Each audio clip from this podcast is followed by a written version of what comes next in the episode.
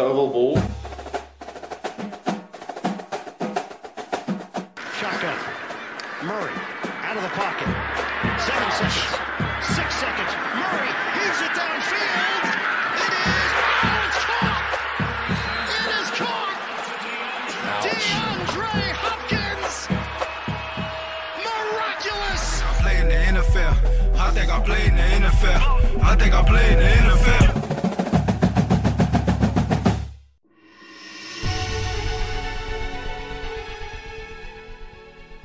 Hjertelig velkommen til Oval ball. Samla i vårt digitale studio, meg sjøl, Reier, Stian, Kenneth. Tulledei. Hei, hei. Hei, hei. Delay. Sesongen er halvveis, og det ble en fantastisk kaosrunde i week 9, som vi selvfølgelig oppsummerer. Vi skal gå gjennom eh, nyheter, og gjette hvem som er tilbake. Pontus, og han skal gi oss ukas flagg med en ekstrem aktuell regel. Vi har nok en anbefaling, og vi ser framover mot week 10. I tillegg så har vi en ganske kul overraskelse. Jeg lar snappen gå. Football til folket. Football til folket. Football til folket.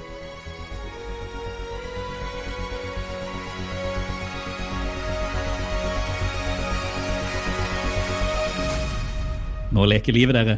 Nå sitter vi og, man sitter og parodierer hverandre i en intro. Da har man det kjekt. Det er ikke morsommere enn det i pod-verden. Nei, nå, nå, nå begynner vi å bli interne. Eh, jeg hadde tenkt å spørre deg egentlig litt om hva som hadde skjedd sist, men jeg vet at vi lever ikke akkurat så veldig spennende liv. Eh, så jeg tenkte nesten at vi hopper over det. Dere kan få lov å si én ting hver. Jeg har bestilt bil som jeg får om to uker. Det, er liksom, det har jeg gjort denne uka. Helt ny, eller? Helt ny. Hva slags? Kia er Niro. Mm, kjempefin bil. Mm, Anbefales. me like. Jeg var på hyttetur og våkna til snøstorm på søndag. Det var fint. Kult. Jeg har bada. Det, det er ikke det viktigste du har gjort, fordi du droppa red zone og så Ja. golf isteden. Det må vi prate om. jeg bare så litt eh, golf på sida der med Viktor Hovland. Det er hyggelig å se norske idrettsutøvere hevde seg i de store internasjonale idrettene. Altså, vi, har liksom, vi har en sånn par-tre hellige timer i uka. Det er når vi sitter og ser Red Zone og kan sitte og prate sammen. Og så plutselig bare forsvant du. Og så kommer det en melding sånn en time etterpå. Oi, unnskyld, gutter. Midt i dette her Week 9-kaoset som vi kommer tilbake til. Å, jeg satt og så litt golf hos en kompis, så jeg kunne ikke, kunne ikke, kunne ikke følge med. Nei da. Så Det var hyggelig da, å se fotball og golf med noen i levende livet, da, for en gangs skyld. ja, ja.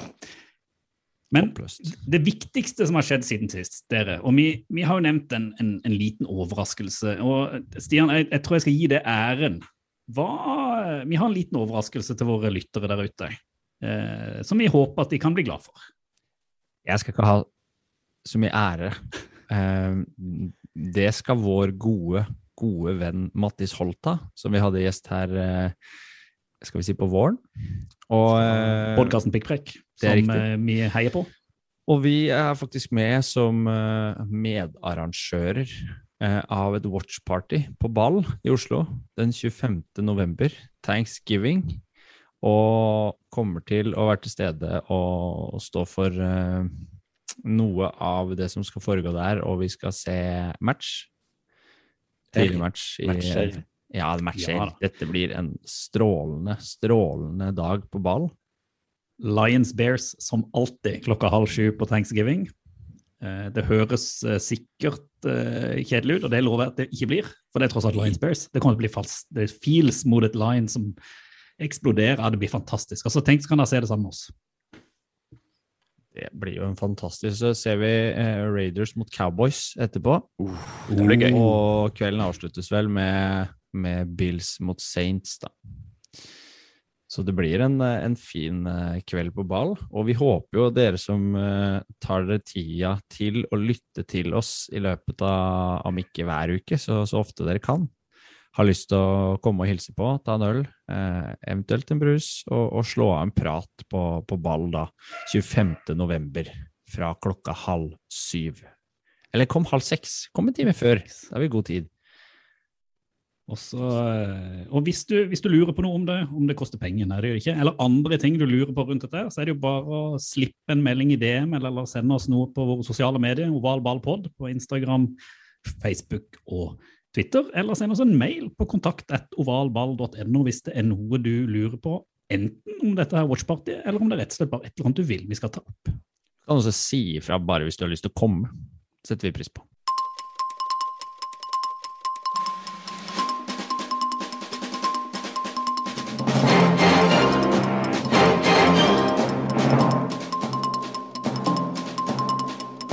Det skjedd én ting denne uka som vi akkurat missa når vi spilte inn forrige ukes sport, og det var jo litt grann surt. Eh, Det er vel egentlig forrige uke. Ja, det Vi skjedde jo mista vel forrige uke. men det er jo- som skjedde i forrige gjorde Bortsett fra at vi hadde en breaking news, da. Det hadde vi. Ja, det er sant. Eh, Men òg apropos missa, fordi at det, eh, det kom jo ut eh, i forrige uke at eh, vår alle kjære, eller jeg vet ikke om vi skal kalle han kjære lenger eh, Jeg tror ikke vi kan referere til han som quarterback eller eh, fotballspill lenger. Jeg tror vi kan referere til han som Jeopardy-programleder.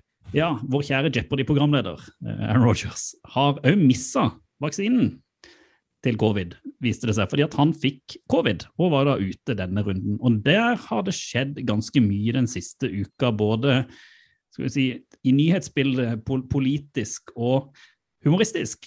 Eh, fordi at han har jo ikke akkurat stått fram som den store samlende quarterbacken han kanskje, Man trodde kanskje han var etter denne Jeopardy-fremtredenen han hadde for, noen, for et halvt år siden. Altså, han sa jo også at han, han var ikke vaksinert, han sa at han var immunisert. Det var det han sa. Ja, og det ble jo tolka som at han var vaksinert. Fordi det er det det betyr, da. Sånn at uh... Det er klart. Nettopp. Og der starter jo hele greia. Hva faen, Han liksom? blir jo sett på som en løgner. Han er jo en løgner. Ja. Han er jo en løgner. Han hadde gått til Han, hadde, han, han mente da at han for det første var han jo allergisk mot det var det en ingrediens i vaksina, var det vel det kom ut, og så hadde han da gått til noen homopater. Er. Eh, og for dere som har lest litt sånn vitenskapshistorie og sånn, eh, homopat er kanskje ikke stedet man går når man skal bli behandla for en reell sykdom. Eh, nå vet jeg at min mor hjemme i Mandal kommer til å hoppe i stolen, for hun Hører på elsker. Nei, det håper jeg ikke. Men hun er et typisk lilla menneske som er veldig glad i homopater. Og det sier vel absolutt alt om hvorfor man ikke skal gå til homopater hvis man skal ha vaksine mot uh, covid. Uh, Her i, på Kolbotn har vi en sjaman som vi pleier å frekventere oss. Pontus og jeg. ja, kult. ikke sant. Mm. Så eh, ja, jeg, jeg vet ikke helt hva jeg skal si. jeg. Jeg, jeg Jeg litt sånn syns oppgitt. han Karim Abdul-Jabbar, som vi eh, har retweeta på vår eh, Twitter-konto, eh, skrev det veldig, veldig tydelig og godt eh, om hva A-Rod egentlig har eh, bidratt til her. Hva Mm. slags fyr han fremstår som, og, og hvordan dette er helt skandaløst eh, og en ekstremt håpløs atferd eh, fra et forbilde og en av NFLs største stjerner.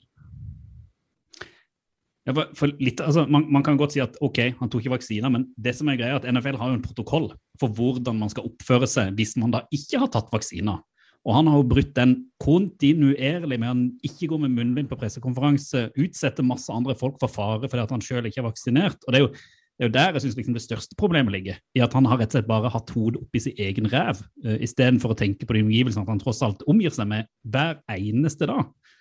Ja, så kan man jo si at sånn som Carsten Carson han, han sto jo i hvert fall i det, da. Ikke sant? Altså han Og han bruker jo munnbind hele tida, og det er jo sykt latterlig, det òg, men han, han liksom Han på en måte har jo bestemt seg, da. Mens Rogers tør jo ikke å innrømme at han hadde bestemt seg engang, på en måte. Og, og i tillegg fortsetter å bryte masse protokoller og Nei, se, det veldig et, rart. eh, i et videre perspektiv, da. Sammenlignet med Colin Kaepernick, som faktisk sto opp mot rasisme, og sto opp for eh, en viktig sak for samfunnet. Han ble utestengt. Mens her har du en quarterback som eh, lyver til alle rundt seg og utsetter andre mennesker for fare. Han ser ut til å fortsette som før. Ja, altså, men altså, det er jo LeFleur og Gutekunst og alle de alle, alle i Packers har jo visst at han ikke var vaksinert. Og aksepterte, liksom. De må jo ha visst det. Altså, LeFleur må jo ha visst at han ikke har tatt vaksine. Det lukter så dårlig av hele det der opplegget. Det er så rart. at, eh, og så er jeg så litt spent hvis han nå kommer tilbake, hvilken mottakelse han vil få. For nå er jo USA et, det motsatte av alt annet. og det er godt mulig Han, Ja blir, han blir jo, hyll, han blir jo en, på en sånn politisk merke nå. og Han har jo sjøl sagt at han kommer til å være liksom Han spiller bare fotball. Han kommer til å være hata av venstresida og elska høyresida. Han gir blanke, men allikevel, altså Han kan ikke liksom så- bare Når du så det intervjuet på Pat McAfee som han var på, da, alt det rare som han klarer å lire av seg der, det er ganske utrolig, faktisk.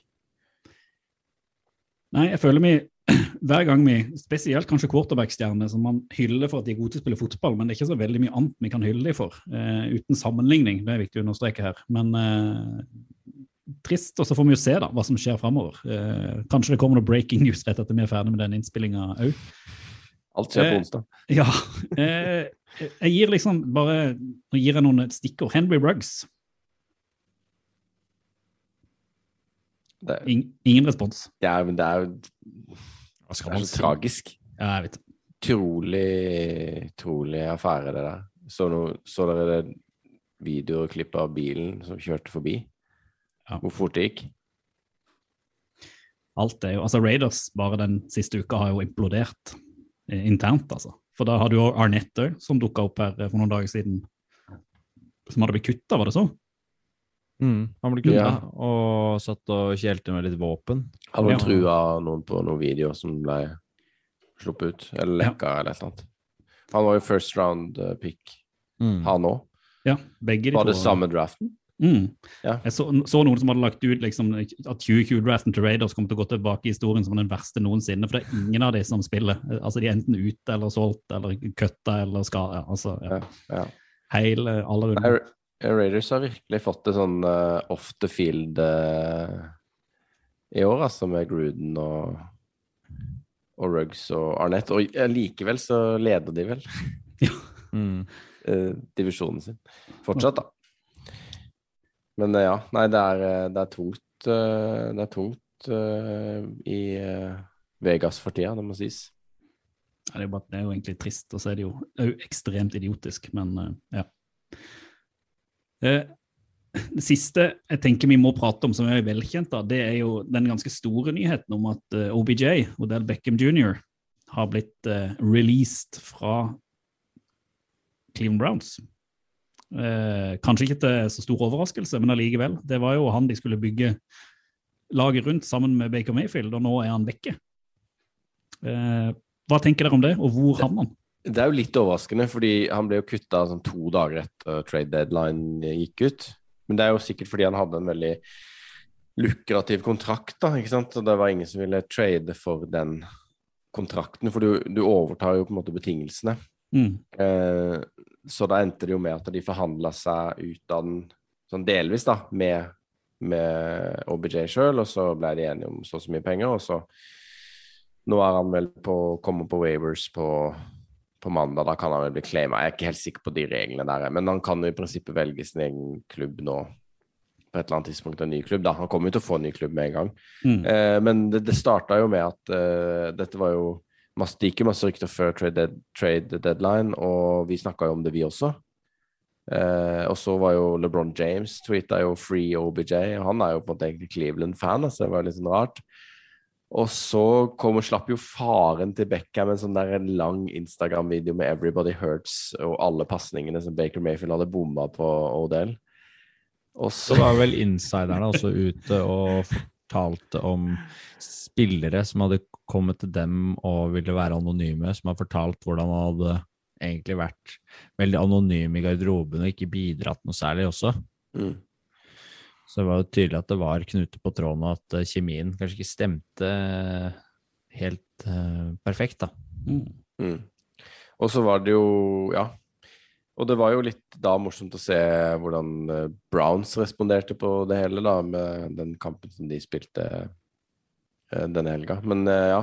Jeg syns jo det er ganske sånn eh, eksemplarisk eh, og profesjonell Mm. atferd av organisasjonen på den måten, å og ikke la seg Mm. affisere av, av støyet som kommer rundt en enkeltspiller. da. Mm. Ja, og er Baker, kast, kasteball. De, det var virkelig ikke. imponerende. Virkelig, altså. og Baker slår jo tilbake knallhardt, ikke sant. Dette kunne jo Mm. vært nesten starten på slutten av karrieren hans hvis, han hadde, hvis de hadde tapt den også. For det har vært Mm. ganske dårlig og mye opp og ned og negativt da rundt eh, Baker og hans greie. Pluss at han er på kontrakt, eller det er Han liksom spiller jo for en eh, Ja. franchise eh, Han gjør det. quarterback-plass, da. Så, så det var jo helt uh, utrolig bra svar på tiltale, kan man si. Det, Mm, det er Mm. mer rom for han eh, Mm. som den store stjerna der nå etter dette, og, og måten han egentlig fremstår profesjonell etterpå på pressekonferanser og ikke, ikke kommenterer det utover eh, høflighetsfrasene. Mm. Og det er jo ingen som har snakka om det, egentlig, fra organisasjonen. Snakka noe negativt om Beckham. Og han har jo heller egentlig ikke snakka noe negativt om Browns, da. Det er jo mest sånn folka rundt han. Men eh, det blir jo spennende å se. Han er jo en kjempespiller, ikke sant. Sånn at eh, her er det jo Kommer jo til å Han snakka jo sjøl at han ville helst i et eh, lag som hadde noe å gjøre i postseason, da. Så får vi se. Det er jo ganske mange alternativer. Ja, for etter denne runden så er jo nesten Mm. alle alternativer. Og, I hvert fall i EFC. Ja, og vi må, vi må prate kjapt eh, om liksom noen høydepunkter og, som skjedde i, eh, i week 9. Og eh, vi har jo fantastiske lytter der ute som eh, gir oss jo innspill òg i forkant av innspillinga om hva vi bør prate om. og eh, Martin Haugerud han har jo sagt, jeg var ikke klar over dette, her, at eh, week 9, altså denne uka ble det satt NFL-rekord i flest Superbowl-rematcher. og Bare det er jo litt ganske kult at dette er liksom lag som har møtt hverandre i Superbowl tidligere, og allerede har vært flere av de matchene i ei runde. Eh, Han nevner òg eh, Titans, og det må vi prate litt om. fordi at Titans, som da mister Derrick Henry, eh, som egentlig er laget, altså han er løpespillet, og så banker de kanskje det beste forsvaret i NFL som, eh, med, med Rams, og de banker de ordentlig.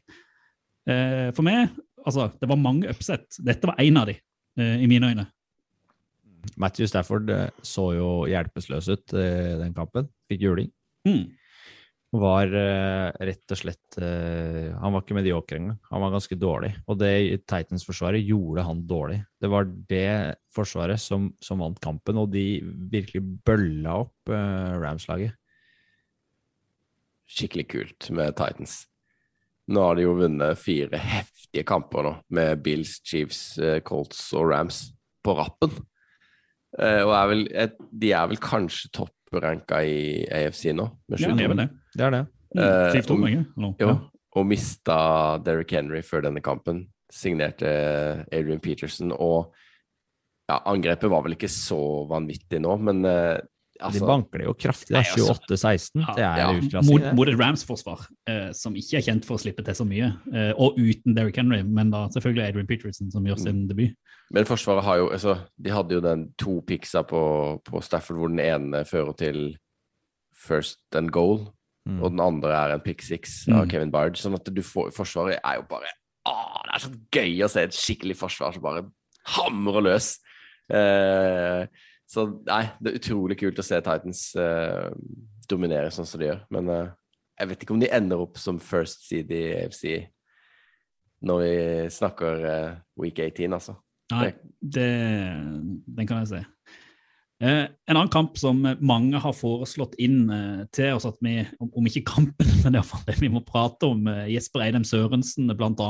Eh, på, på Twitter, og også Sander Darling, vår egen Daniel Jeremiah, er jo Sam Darnold, Panthers og Patriots, hvor dette her var vel eh, spikeren kista både for Sam Darnold og for min tro på at han skulle bli en stabil eh, quarterback i, i NFL. For verre match Han har hatt mye dårlige matcher denne sesongen, og i Jets, men dette var kanskje det aller, aller, aller verste han har gjort. Han ble vel til og med skjelt ut av sine egne på sidelinja. Var skjelt ut. Han ble jo omtrent uh, Det var et mordforsøk der fra Robbie Anderson å prøve å kaste hjelmen etter. Nei da, det var, uh, var virkelig en katastrofe katastrofematch igjen av Sam Darnold. Vi var jo litt positive kanskje til han i, i starten av sesongen, når det så greit ut når Christian McCaffrey tok mye av, uh, av ansvaret. Og etter at McCaffrey var ute med skade, og han var vel tilbake igjen nå i helgen igjen, så har ikke Darnold levert varen, altså. Og spørsmålet nå er om han i hele tatt starter førstkommende torsdag i Thursday Night Football. Om han, blir, eller om han havner på benken i en eh, lengre periode. Burde jo bli benka nå. Men det er jo interessant å se eh, Å se hele det der Panthers eh, Altså eier, trener Hvordan de på en måte bommer på quarterback igjen, da. Mm. Og, og de hadde jo Teddy. Teddy hadde jo kontrakt. Og de har jo, de har jo plukka opp kontrakten til Darnold for neste år også. Så han tjener jo sånn 17 mill. eh, neste år, uansett om han er på laget eller ikke, tror jeg. Mm. Sånn at uh, de, de har virkelig, virkelig bomma. Og de kunne jo på en måte drafta han som sto på andre banehalvdel eh, på søndag, Mm. Mac Jones. Det gjorde de ikke. Og han ser jo definitivt best ut av alle rookie QB'sa. Altså, DJ PJ Walker da fra torsdag, tror du ikke det? jo, Jo, tror det tror jeg nå. Han må få, når man han få muligheten for en full kamp. Og da kommer han til å spille masse kamper. Eller sånn. Han kommer ikke til å få én kamp og så Donald tilbake. Da kommer de til å kjøre Walker i noen kamper, altså. Og det, var, det vi pratet om før sesongen, at det var jo en reell kamp virka det som mellom de, for han hadde imponert veldig på trening, eh, VJ Walker. Så nå, håper jeg, nå, nå bør han få sjansen å få noen kamper til å prøve å vise at han kan ta den, den plassen, iallfall midlertidig. Og hvis ikke Darnold er eh, Altså, hvis ikke han hadde vært drafta som nummer tre, så hadde han jo aldri fått så mye sjanser som han har fått til nå. Men jeg tror han kommer til å få flere sjanser, da. Fordi han ble drafta som nummer tre. Og, og han har jo et eller annet siden han ble drafta så høyt. Jeg er heller ikke sikker på at han blir satt ut nå, men, men man har jo sett at det, det mentale og sånn ikke har vært helt på plass. da. Han virker stressa og, og gjør mange åpenbare feilvurderinger, og til og med ting man som litt utrent sitter og ser på TV, som ser ut som åpenbare dårlige valg, da. Eh, tas fortsatt, så han, eh, han eh, trenger kanskje en pause, i alle fall. Eh, et par kamper til eh, jeg tenker vi må prate om. Vi prata om eh, sist gang at dette her var litt sånn kniven på, på strupen til, til Chiefs når de møtte Packers. Og så fikk de jo en gavepakke med at Rogers hadde glemt å tatt vaksiner. Så Jordan Love starta for Packers, og det var jo ikke noe kjempesuksess. Og Chiefs greide å jeg vil si, hangle inn en seier eh, på en eh, ja, relativt OK, OK da. De, de hadde ikke så mye feil som de pleier å men de ser jo ikke ut som det topplaget de har vært. Men eh, de var vel rett og slett heldige med å møte Packers den dagen de gjorde. De fortsetter virkelig å Hva skal vi si? Det er som en sånn, som en sånn uh, sliten, uh, sliten bil som hopper sakte, men sikkert bortover og ikke får flyten i det hele tatt, som ikke, ikke ligner noen ting. De, de skuffer stort på eh, spesielt angrepsspillet. Nå var det forsvarsspillet som sto veldig godt opp egentlig mot Packers igjen, da, så de har gjort eh, to gode forsvarskamper nå de to siste. Og det er jo noe å ta med seg etter den eh, horrible starten, hvor angrepsspillet kanskje så, så der ut, og, og forsvaret var krise. Men nå er spesielt, eh, spesielt angrepet eh, kritikkverdig dårlig eh, med de våpna som de har. Ja, virke, virkelig. Men eh, de fikk nå i hvert fall den, eh, den seieren de, eh, de skulle, skulle, ha, sånn at ikke sesongen er totalt blown. Vi kan, kan jo slenge på når vi snakker om forsvaret til Chiefs, at de henta jo inn Melvin Ingram, defensive end, og han har jo vært et friskt pust i, i forsvarsspillet og, og, er en sterk bidragsyter til at de faktisk står såpass bra opp mot, mot Packers. Og så skal det sies at John Love så ikke ut som en NFL-quarterback i den kampen. De kasta og pressa og eh, gjorde mye mot ham, eh, Chiefs-forsvaret, og han så rett og slett litt rådvill og lite forberedt ut. Og Kenneth har jo vært en eh, skal vi si, fan av Jordan Love, eh, og jeg er jo enig. Vi diskuterte litt i forkant, og jeg er jo enig i at man ikke skal basere seg bare på én kamp her. Men, men, det var ikke veldig, veldig lovende, det vi så når han har vært med i 24 matcher, eller hva det er for noe. Og helt til slutt, så igjen, så vi prata jo sist eh, pod eh, om eh, en mail fra Kim André Tanum som lurte på om vi kunne prate litt om Giants. Uh, og hva de, hva de, måtte gjøre for å uh, kanskje kunne nå Superbowl igjen. Og det er flere, Martin Haugerud annet, som har, har spurt oss om vi kan prate litt om det. Og etter vi har pratet om Giants, så har plutselig Giants vært veldig veldig gode. Daniel Jones ser plutselig ut som den quarterbacken som uh, man drafta i, høyt oppe. Uh, og de knuste jo. Nå har jo Raiders hatt mye problemer, men altså, Giants ser jo plutselig litt gode ut. Er det lov å si? Ja, syns jeg er lov. Det er Bra forsvar, i hvert fall. Mm. Ja. Så forsøker de offensivt. Jeg syns uh, du var inne til Daniel Jones, men, uh, men her uh, spiller jo Kaderis Tony en litt ålreit match òg. Han var vel tilbake igjen til skade. Så, så Giants Vet ikke.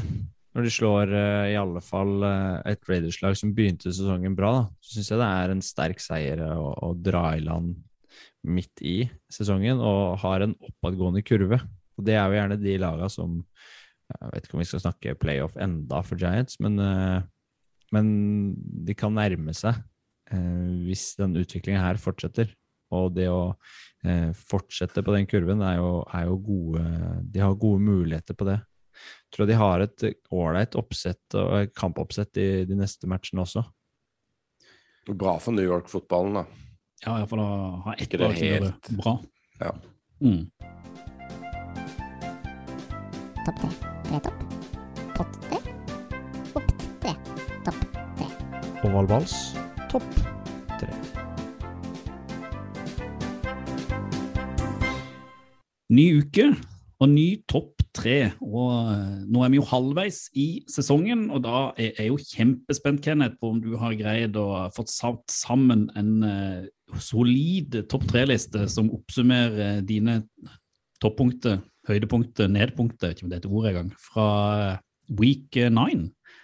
For Får jeg pent lov å spørre om din eh, tredjeplass? Du kan spørre om det. Ja, jeg kan det, ja. Jeg kan også svare. Ah, det er fint, ass.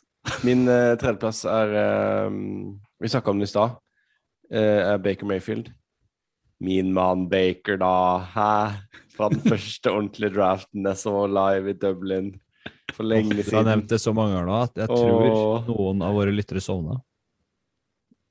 Nei, nei, nei. nei, nei, nei. Det, altså, her, er det, her, er det, her er det draft love. Trenger ikke snakke mer om Baker Mayfield, jeg. Det er greit. Sånn. Nei da, jeg gidder ikke høre på Stian, for at han har jo ikke fulgt med så lenge som meg og Reier. Så da, litt seniorkompetanse må det være i poden. Altså, Baker Mayfield kommer tilbake. Vi snakka jo litt om det i stad, men da snakka vi mest om OBJ. Men han måtte levere, og leverte. Og jeg tenker at Browns har en kjempebra roster, kanskje en av de beste i hele NFL. Og så har de kanskje ikke den beste quarterbacken. Men hva er alternativet her? Skal de liksom slippe Baker nå, og så gå ut og finne en ny quarterback? Det er jo helt dødsvanskelig. Bare, se, bare se på alle de nye quarterbackene som kommer inn. Ja, noen treffer blink, men altså Bare årets draft class, og så neste års draft er jo liksom quarterback lett, om man kan si det sånn, i hvert fall ut fra rapportene. Eh, og hvem vet om de gutta i 2023-2024 skal kunne levere? Og så er det snakk om hva skal de gjøre ellers? Hente en på free agent? Kan, får de noen bedre Altså, de kunne jo sikkert fått Aaron Rodgers på et eller annet tidspunkt, da, men jeg mener De har jo en Nå bra vil du ikke fyr. ha han. Nei, nei, ikke sant? De har jo en bra mann som er en ledertype, og som på en måte har garderoben, virker det som, og får spillerne med seg. Jeg tenker de må gi han ny kontrakt, altså. Gresset er ikke alltid grønnere på andre sida.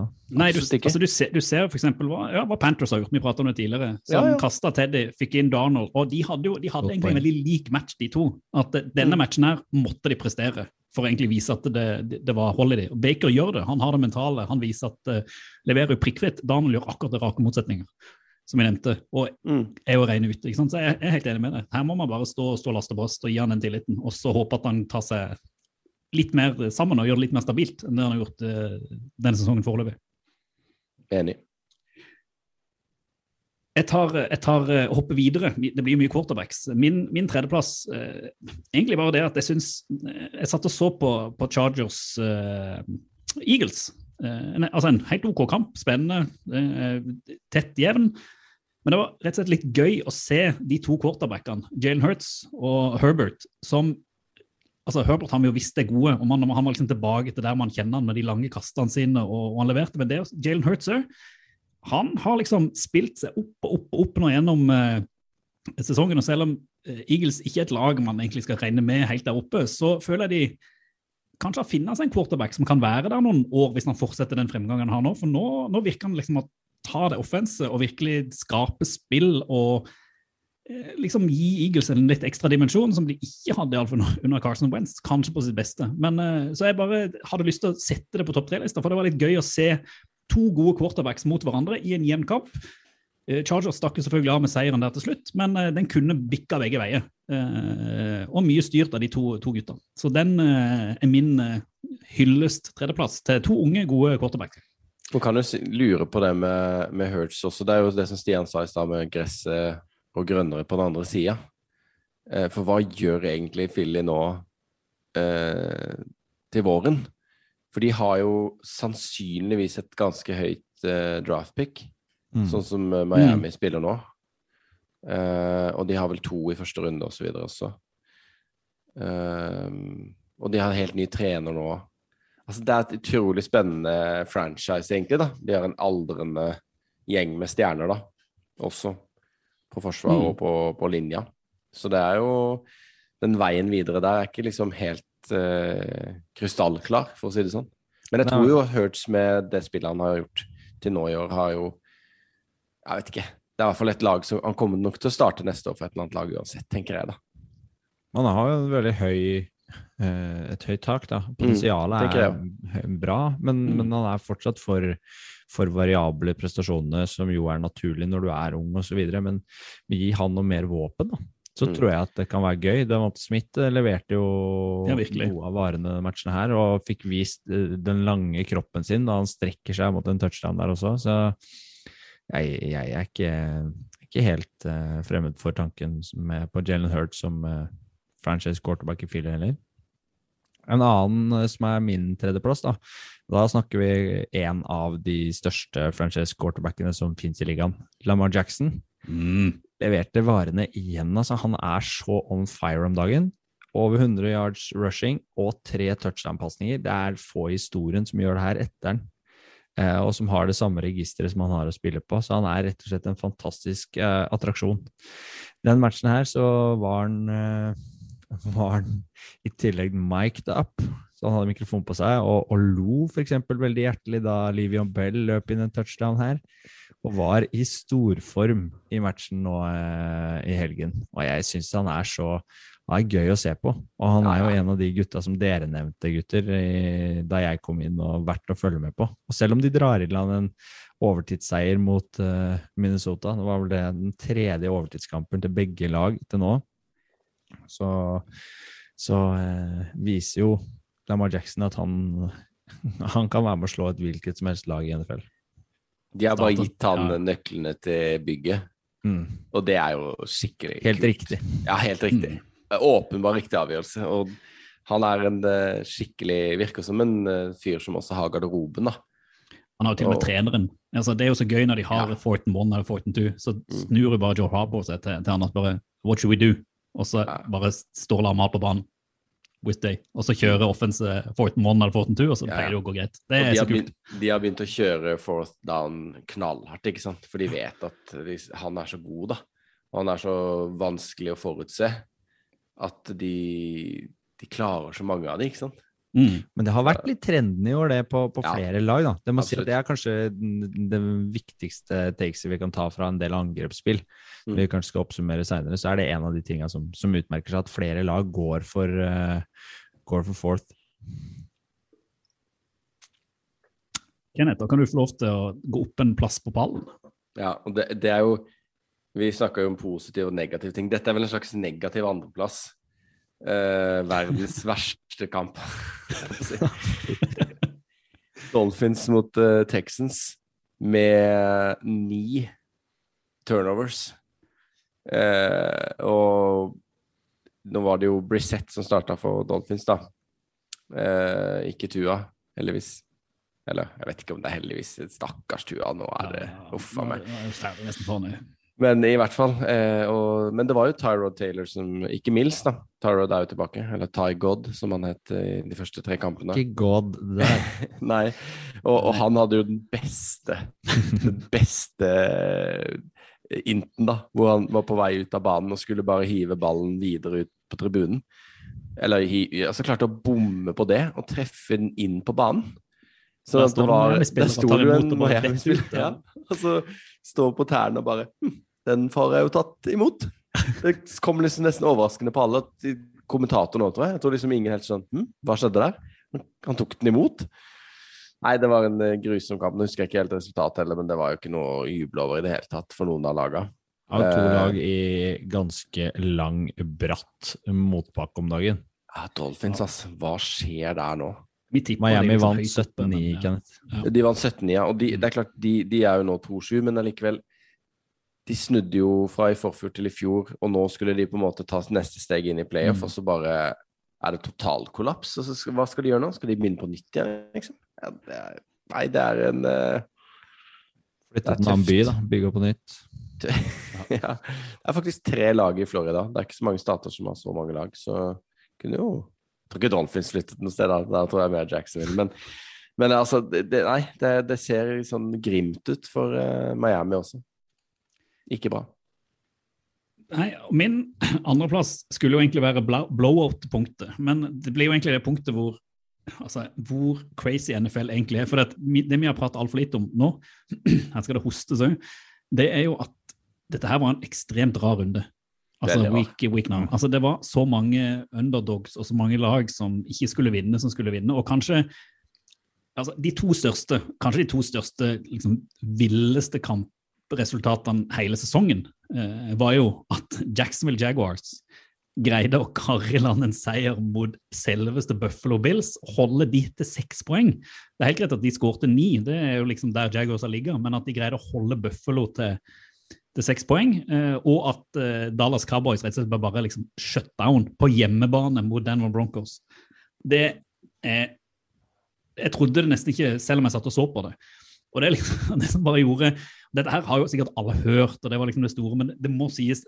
fordi at bare sånn den kampen med Bills, hvor Bills da bare er ute og kjører Josh Allen, som har vært kanskje en av de beste quarterbackene i år, får det ikke til.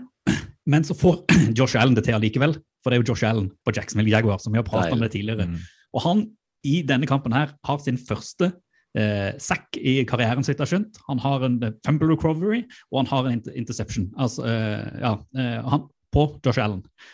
Og bare det i seg selv når Josh Allen liksom knuser Josh Allen, men den veien man ikke trodde skulle gå, gjør dette her som en sånn ekstra gøy dimensjon i det, i det hele. Så eh, Josh Allen, VS Josh Allen, eh, stor, stor, stor applaus for, eh, for den. Jeg tror PFF hadde stats på at eh, prestasjonen til Josh Allen, quarterbacken, er den dårligste prestasjonen av en quarterback i år denne sesongen. ja, ikke sant. Uh, og jeg må, jeg må jo bare si, altså Det er jo som skjedde med Denver og Dallas. Det er jo en måte sånn der, Jeg tror det er bare et sånn skikkelig feilskjær av Dallas. det. Ja, det er jo egentlig helt sykt. De hadde, mye var de ledet 30-0 en 30-0. periode. Ja, Mm. eh, Jeg før tenker Dallas liksom-. Dallas og uh, Dallas og Rams, der tenker jeg liksom OK.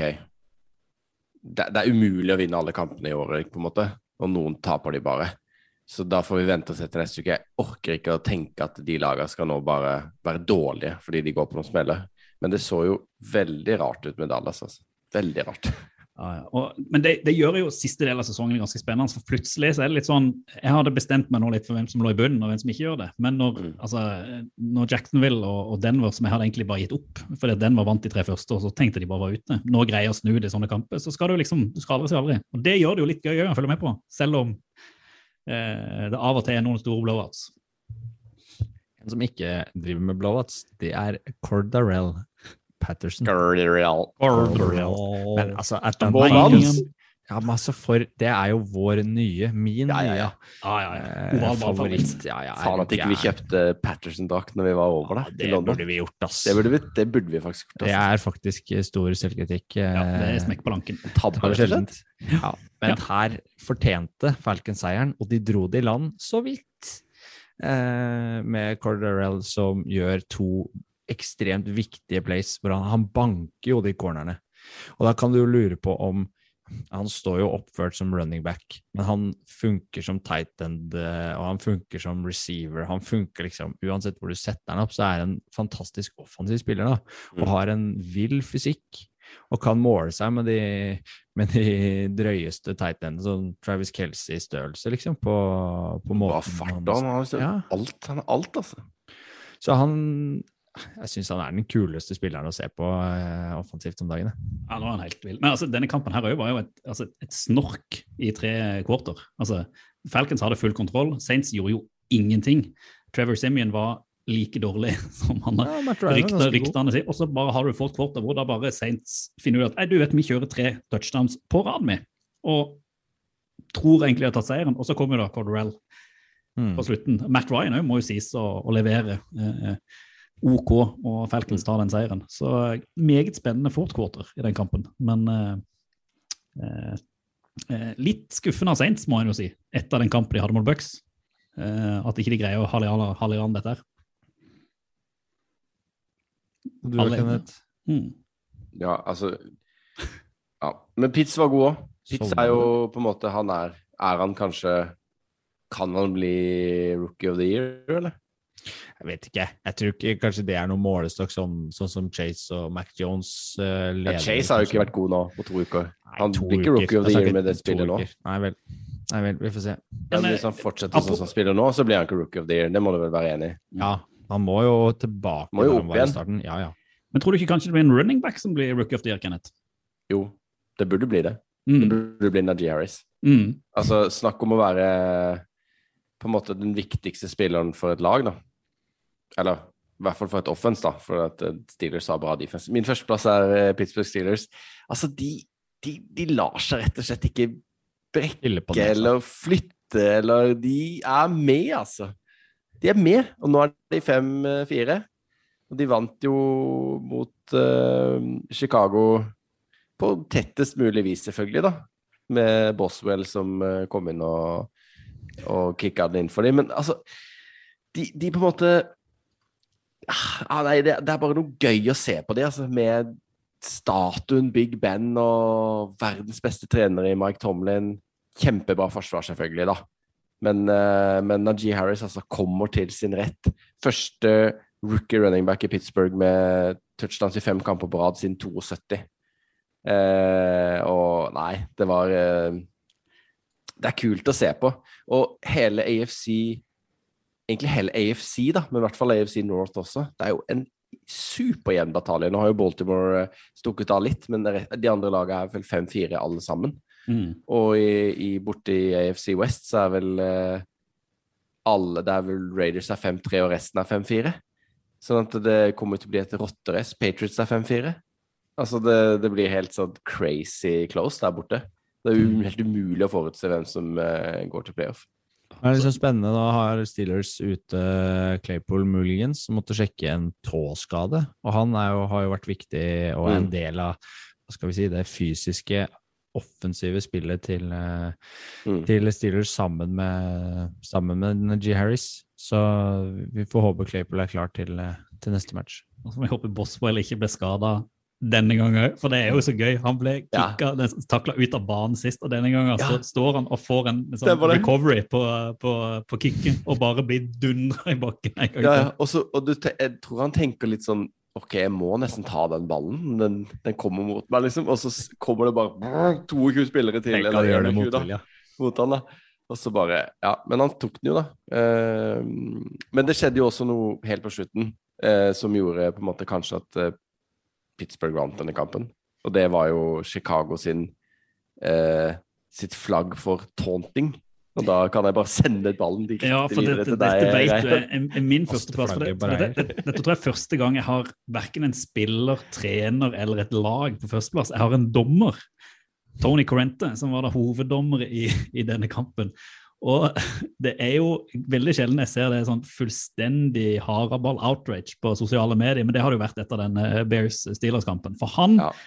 kan man vel si dømte jeg skal ikke si han dømte i favør av Steelers, men han dømte i hvert fall mye rare avgjørelser. Og den taunting eh, eh, penaltyen som du prater om, så var det vel Mm. eh, March, eh, han eh, forsvareren på, på Bears, som, som gjør en sack. Og så har han, så vidt jeg, dette, jeg er jo ikke ekspert, da, men jeg har skjønt at han har spilt for Steelers tidligere. så Han stiller seg opp, og så stirrer han bare på benken til Steelers før han snur seg rundt og løper vekk. Og akkurat når han løper vekk, så løper han forbi Tony Corrente, som da stikker ut ræva. Det er helt sykt. Og- og det klippet må vi legge ut, altså. og- Ja, og kroppstankle eh, March mens han da kaster flagget. Og da er det jo mange som tror at han får flagg fordi at du har ikke lov til å touche dommeren. Mm. Så at Corrente setter ut, Men han gjør jo ikke det. da. Han får, han får flagget fordi han, Corrente mener det at det å stirre på benken i tre sekunder er en taunting penalty. Og Mm. i tillegg så har jo Tony Corrente Han, har jo, han dømmer jo en, en roughing the passer på, på, på Bears mot eh, Big Man, bare fordi at Big Man blir liggende. Han blir takla, han blir sekka, og så blir han liggende. Nei, nå er det for hardt, uh, hardt gjort.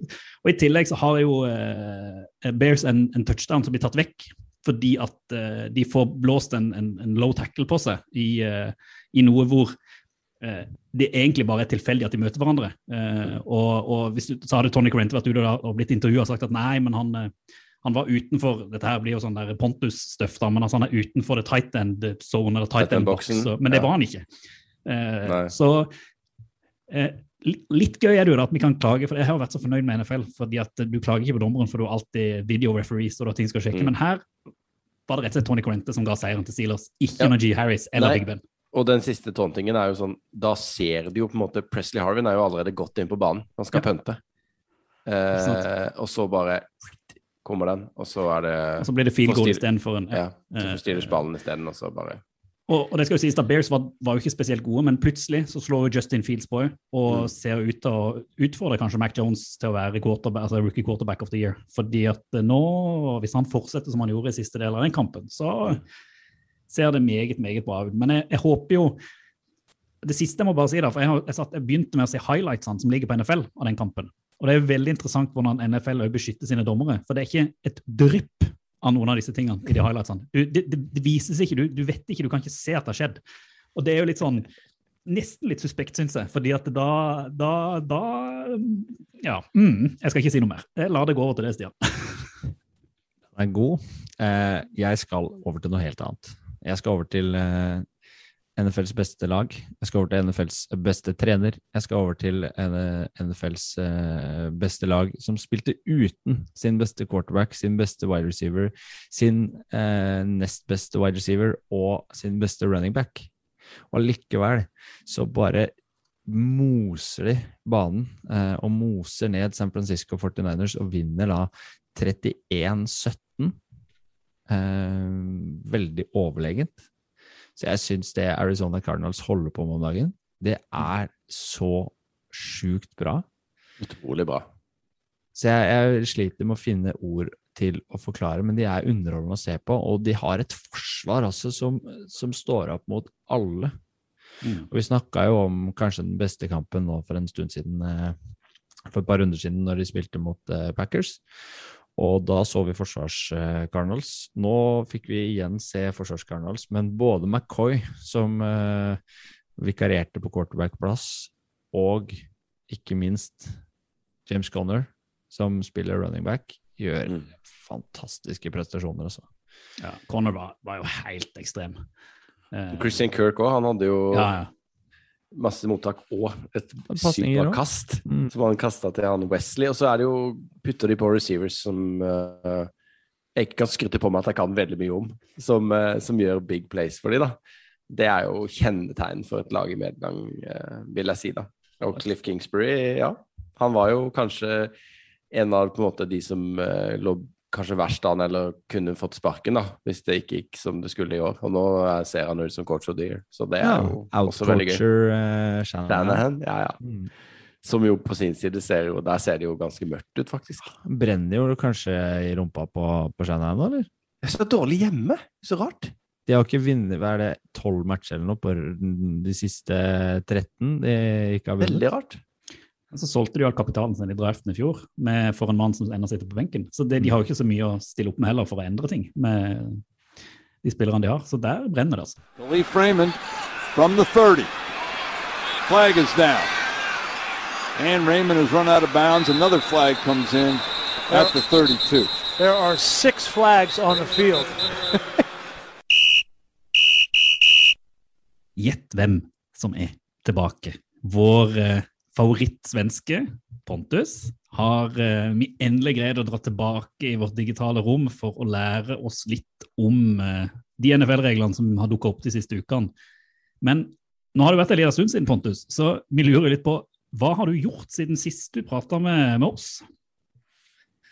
Eh, ja, det mest fotballrelaterte jeg har gjort er vel egentlig at jeg selv har spilt fotboll her i Norge. Eller amerikansk fotboll. Så vi har faktisk haft sesong, så det har vært veldig väldigt deilig og gøy. Vi hører noe rykte om MVP-performance på running back. Ja, Hele Kolbotn snakker om det. det, det er vel å ta i litt, grann, men uh, det, det har gått forvånansvært bra for min eh, avancerade ålder i alle fall. Det var veldig ydmykt, syns jeg.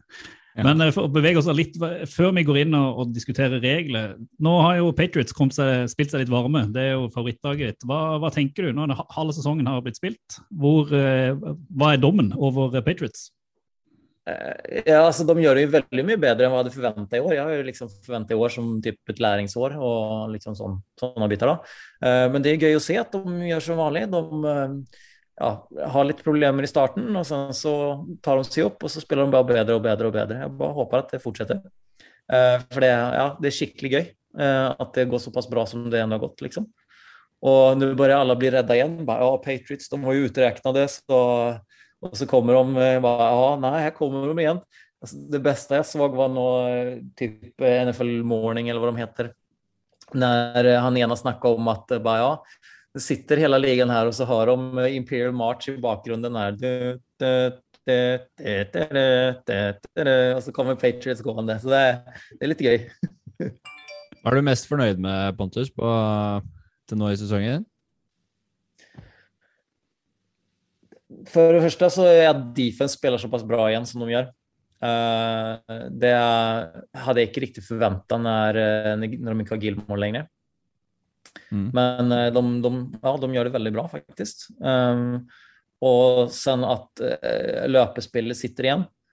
Uh, da det her skikkelig tøffe man-man-løpespillet Å få yards, det er også gøy. Og at det går såpass bra på, for Mac.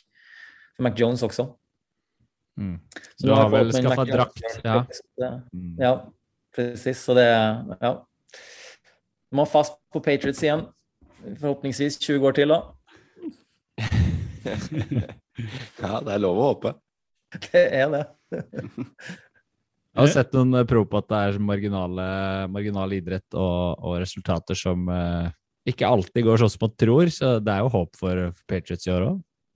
Ja, og det, de, det er jo liksom litt deres eh, filosofi, om man se og forsøke å få kamper og bli såpass jevne jämna som möjligt.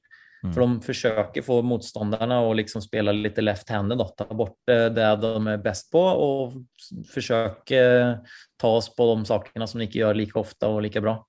Mm. Så eh, det är, ja, det är väldigt spännande att se Patriots, för det är väldigt ofta det blir väldigt jämna kamper. Även med lag som man inte forventer att det ska bli det. Vi tenkte vi skulle bevege oss sånn smått fra Patriots over til eh, litt eh, regler. Og dagens regel er jo meget aktuell. Vi har jo tidligere uh, ytra våre meninger rundt uh, taunting-regelen, og da den og unsportments, unsportments like conduct. Det var ikke, var ikke lett i dag å prate engelsk. Sportsmanlike. Unsportments like, ja. Her hører jeg det har satt Mm. seg på tunga. jeg, jeg, jeg lar det overta, Stian, så skal jeg prøve å bøye tunga sånn at jeg skal greie å uttale det riktig neste gang. Ja, Ja. spesielt når man knytter det liksom til, til taunting og, og det å eh, Hva skal vi si erte eh, motstanderlagets eh, spillere, er jo høyaktuelt nå. Nå er Adam Steelen, wide receiver hos eh, Vikings, og ute og eh, kritiserte regelen og sa at det tok eh, det morsomme ut av spillet og ødela for, for underholdningas del og en del av, det man driver med når man spiller. Og så var head coach i Steelers over på det motsatte og nevnte at han ser jo på Mike Tomlin, ser på spillerne og det de driver med som, eh, som at de er forbilder. Og det de gjør på banen, det kopierer eh, amatører og yngre spillere. Så skal man ha bort den type oppførsel og ha fokus på eh, fair play, så er det viktig at dommerne slår ned på taunting. Så Pontus, hva, hva er taunting, først og fremst? Ja, taunting är ju, det är lite olika typer ting, men uh, typ när säg att du har sackat någon då och du ställer och dansar över någon till exempel. Mm. Det är taunting liksom. Um, spika bollen framför folk. Uh, när du har typ gjort en touchdown eller gjort ett bra spill eller liksom sådana bitar. Det är också taunting. Uh, Spikeballen, det betyr å liksom kaste ned og så snurre den, liksom? Nei, nei, nei. Har du ikke Gronk Spike? Har du ikke sett det? Jo, han, Bakken, han, han bare klinker ned, ja. Det er med. Klinker i bakken Mm. så mye som mulig. Og det, det er jo lov nå for tiden så lenge du ikke gjør det framfor en annen spiller, for da blir det taunting. Så du får liksom ikke gjøre den mot motstanderne, liksom.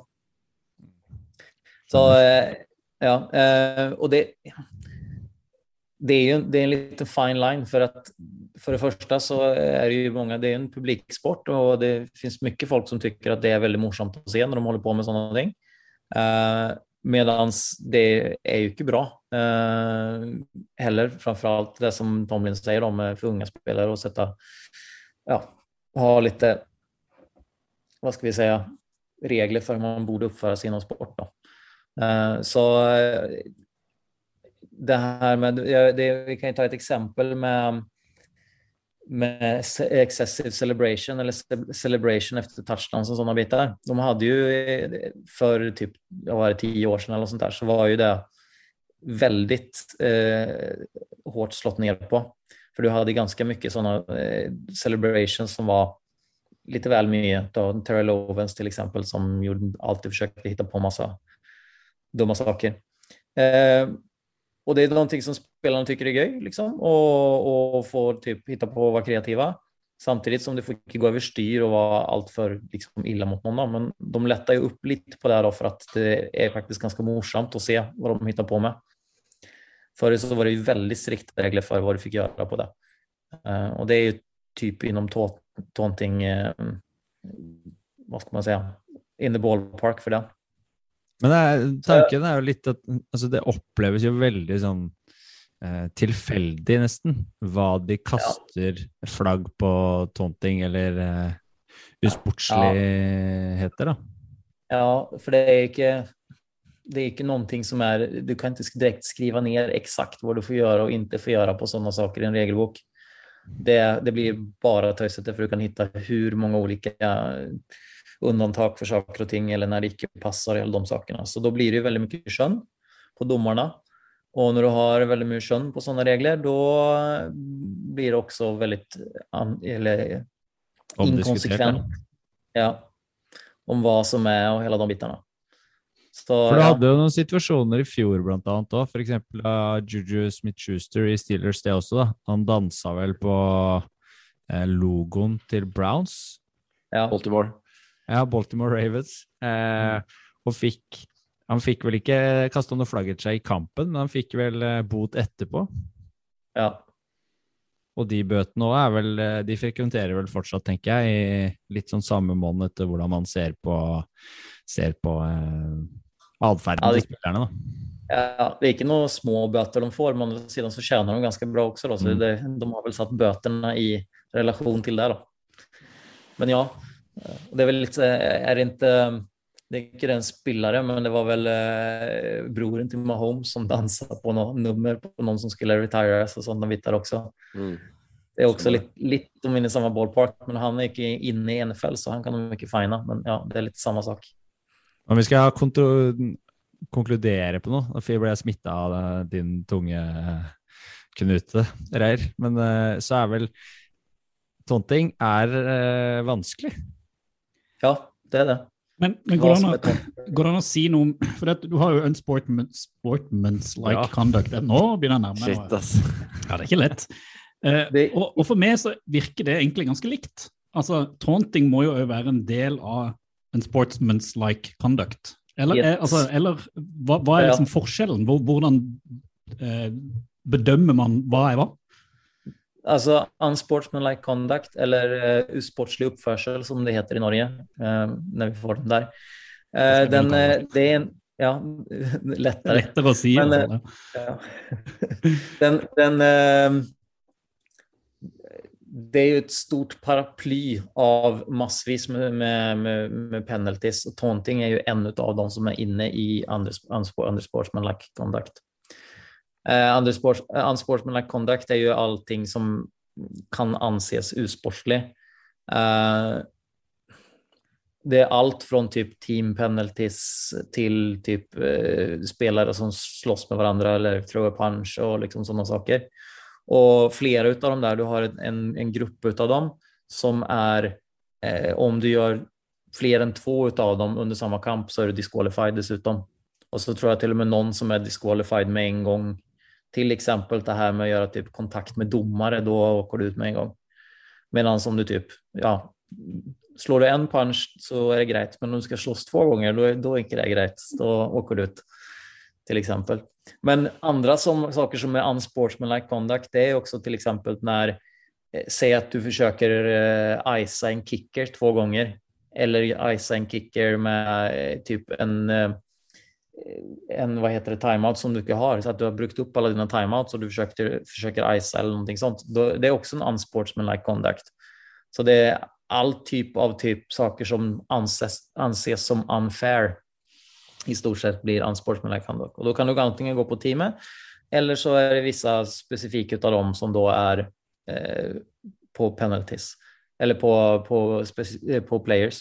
En, en annen regel som är som också en unsportsmanlike, det er når du har eh, kicking place plays till exempel, eller en, en kickoff og du skal løpe ned, eh, eller en av kickinglaget løper ned og løper ut av banan og løper ved siden av banan for å exempel undvika en blokk eller noe, eh, og sen løper inn. Det er også en unsportsmanlike conduct.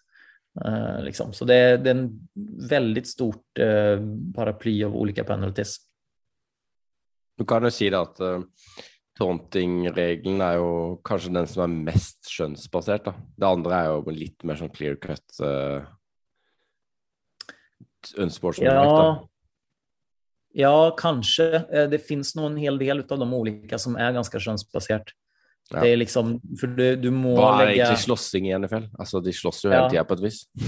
Ja, ja, men, men det er mer sånn her typ når du å bruka klockregler mot og sånne biter. Det du må legge, dommerne må legge Ja, litt eh, ja, mening i hva de mener når de gjør saker og ting. Det handler om kontekst i stor grad da, på, på hva som foregår og i hvilken setting, og, og litt om kanskje, jeg vet ikke om stemninga på banen og mellom spillerne også har noe å si, ja, for det handler jo liksom om å kontrollere et kaos, da. Ja, ja, det kan absolutt være det. det. De sette grensen noe sted, og de gjør det litt ulike på ulike kamper. Det kan man ju bara se på andra typer av penalties när det kommer som till exempel pass interference och sådana bitar. Det är också olika nivåer på, eh, på olika kamper och olika stadier av kamper. Det er det beste jeg har hørt. Dette er gøy. Det der, det er fett. Oval ball anbefaler. Ny uke, ny anbefaling fra Oval ball.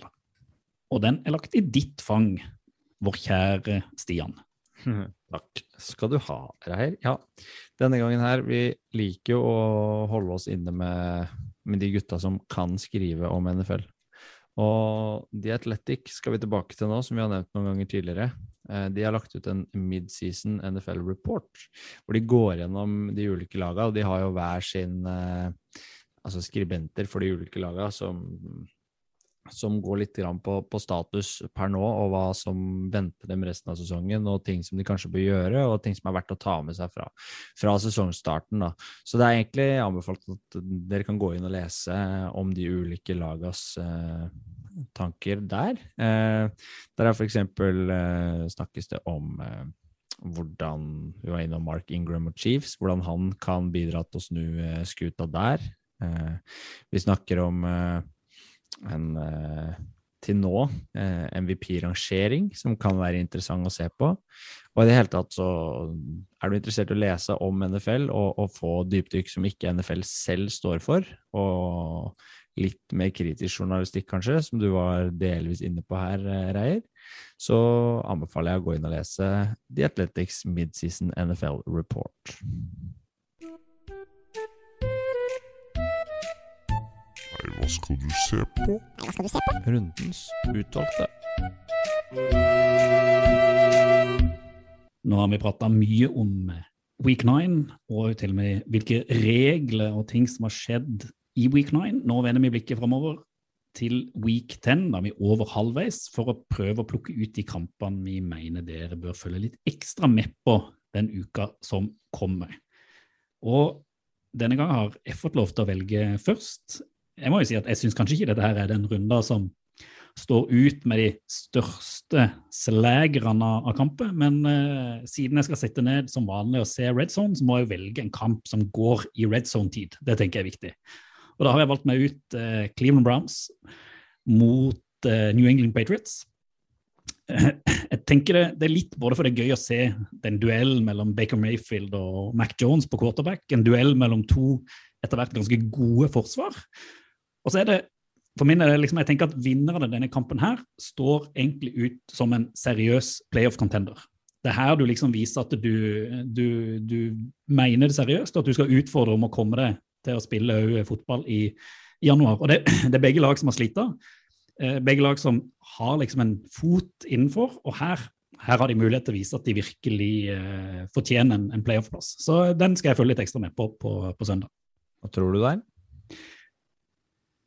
Jeg syns det, synes det er vanskelig. Hvis Browns holder det nivået de gjorde denne runden, så tror jeg de tar den. Men eh, siden Patri- Patriots spiller hjemme, så tipper jeg på Patriots. Men som vanlig da, så er det vel Browns som vinner. Det er U, da. Ja, Det blir U, som alle dine matcher. Ja. ja det er sant. Mm, jeg fikk velge som, uh, som andremann i dag, og jeg vil eh, foretrekke å se et uh, divisjonsoppgjør mellom Chiefs og Raiders. Uh, det pleier å være klassiker i, uh, i NFL, og går Det er Sunday Night Football denne runden. Da spiller Las Vegas Raiders hjemme, og det er to lag som virkelig kjemper i, i motvind. Og Raiders som trenger, å, trenger en seier for moralens del, og for troen på, på franchisen og troen på at denne sesongen kan være noe positivt allikevel. Eh, mens Chiefs ikke egentlig har kommet i gang i det hele tatt, og har to stygge seire nå eh, de siste to rundene, og, og må snu kjerringa eh, den runden her. Så jeg tipper at den matchen både blir underholdende og, eh, og eh, Mahomes er tilbake. Hvem tar Oi, ja. Hvem tar? Carmania, sier jeg. Carmania. Carmania. Altså, Raiders har jo slått Chiefs de siste sesongene, og Ja, vært det vinner. laget som har utfordra dem. Jeg tror nå snur det. Nå snur det. For både Mahomes og Chiefs og statistikken mot Raiders, og Raiders er ferdig, og eh, Chiefs er eh, på vei mot noe stort. Raiders er ferdig. dette har, tror jeg har sagt fire ganger hver gang de har tapt, så da går jeg for Raiders. Jeg går for uh, seint søndagsvindu. Superoppgjøret mellom Gino Smith og Jordan Love. Eventuelt Russell Wilson mot Aaron Rodgers. Jeg, altså, jeg kan jo ikke gå opp for denne kampen hvis ikke de to spiller, selvfølgelig. Men uh, sånn som jeg skjønner, så er rapportene positive på Wilson sin I uh, hvert fall positive på A-Rod. return. Den var god! Den var god. Eh, men eh, altså, A-Rod så jo ut som han eh, Det intervjuet på TV der med Eller på YouTube, at han eh, ikke var så dårlig form, så Han uttalte her nå at han regner med han, han uttalte at han var en atlet og ikke en aktivist, så han eh, skulle få lov til å spille, Ja. spille matchen på torsdag. Ja, altså Det er jo ikke snakk om at han får noe suspensjon, tror jeg, uansett. Sånn at han får sikkert en bot i så fall hvis det er noen protocol violations. Men eh, Russell Wilson mot eh, Aaron Rodgers, det høres jo gøy ut. Det har jeg lyst til å se, på tross av eh, covid-greiene. Så håper jo litt at eh, Seahawks eh, vinner den, for jeg hadde litt lyst til at de skal komme tilbake i den divisjonen. Eh, og kanskje snus litt på playoffs. Um, tror uansett det kan bli en morsom kamp. Ja, spiller A-Rod, så vinner Packers. Spiller Love, så vinner Seahawks. Tenker jeg. Det er nok en god vurdering. Stian har ikke noen tanker. Nei, altså, jeg, jeg tror jo Han har slutta å bry seg om A-Rod. Det sa han jo før. eh, Ja, faktisk. Jeg, jeg var under Russell Wilson alt godt ja, når, Ja. når han er matcha opp der. Praise the Og Lord. jeg, jeg er ferdig. Jeg er ferdig med A-Rod. Jeg er slått opp. Ovalball. Fotball til folket. Det går fort, selv om det tar tid. En ny podiepisode nærmer seg slutten. Eh, I dag er det skurra mye for uttale og hosting og ja, harking og jeg har satt et eller annet i halsen. Jeg har sikkert fått sånn der, hva heter det sånn sykdom hvor man får krøll på tunga, og så setter det seg i halsen. Så da, da blir det litt sånn der, litt kaotisk. Men alt Den kan ikke være perfekt. har jeg ikke hørt om. Nei, nei, nei. Men eh, det har jo vært eh, Selv om halsen har vært dårlig, så har jo podden syntes jeg har vært hyggelig. Deilig å ha Pontus tilbake. Mm. Mm, det trengte vi. Det var slitsomt at det var bare oss tre som satt og prata hele, hele sendinga. Tungt for lytterne, men bra for lytterne at Pontus er tilbake. Jeg tenkte litt sånn i forhold til fremtiden nå, at når du nevnte ukas anbefaling i stad, Stian, med midseason report, så burde vi kanskje vi også levere noe på sånn skriftlig basert. Burde À kanskje la det. Noen sånne lister med noe frekke takes. Apropos liste, den der quarterback-rankingen din som du lovte var- for tre uker siden. Det var, det, den skulle den, det var dit jeg skulle komme til slutt. At, eh, at kanskje den kommer ut. Den er- Vi bør vel kanskje ikke ha redaksjonsmøte i podkasten heller? Nei, kanskje ikke. Men poenget mitt med den kubelista er jo at eh, det, den blir jo mer og mer ødelagt for hver uke som går. For, for to uker siden så, så den ganske bra ut, så var det masse kaos. Og denne uka så var det jo bare kaos. Mm. Må, ødela lista di. det må rewrites og rewrites. Men eh, ja, jeg skal jo selvfølgelig ikke tørre å love noe, men jeg håper. Vi håper. Vi håper jo å se, se dere alle 25. november på, på ball. Eh, Yes! Jeg møter opp i dress, ikke fordi at det er en sånn cocky i men jeg skal på julebord. Så jeg kommer, kommer og går i dress. Men jeg skal iallfall være der når jeg kan. Eh, Og at du kommer helt inn fra Grimstad òg, Kenneth. Oh yeah. Det blir stas. Da tror jeg egentlig jeg bare gleder meg til å se dere møte Pontus og prate fotball eh, neste uke. Og mens vi venter på det, sier jeg fotball til folket. Fotball til folket. Fotball til folket. Do the Titans have a miracle left in them in what has been a magical season to this point? If they do, they need it now. Christie kicks it high and short. Going to be fielded by Lorenzo Neal at the 25. Yeah, give it Pitches to- it, back to Wycheck. He throws it across the field to Dyson. He's got something. 30, He's got something. 50. He's got it. 40, He's got it. 20, 10. He's got it. End zone. Touchdown Titans. There are no flags on the field. It's a miracle. Tennessee has pulled a miracle.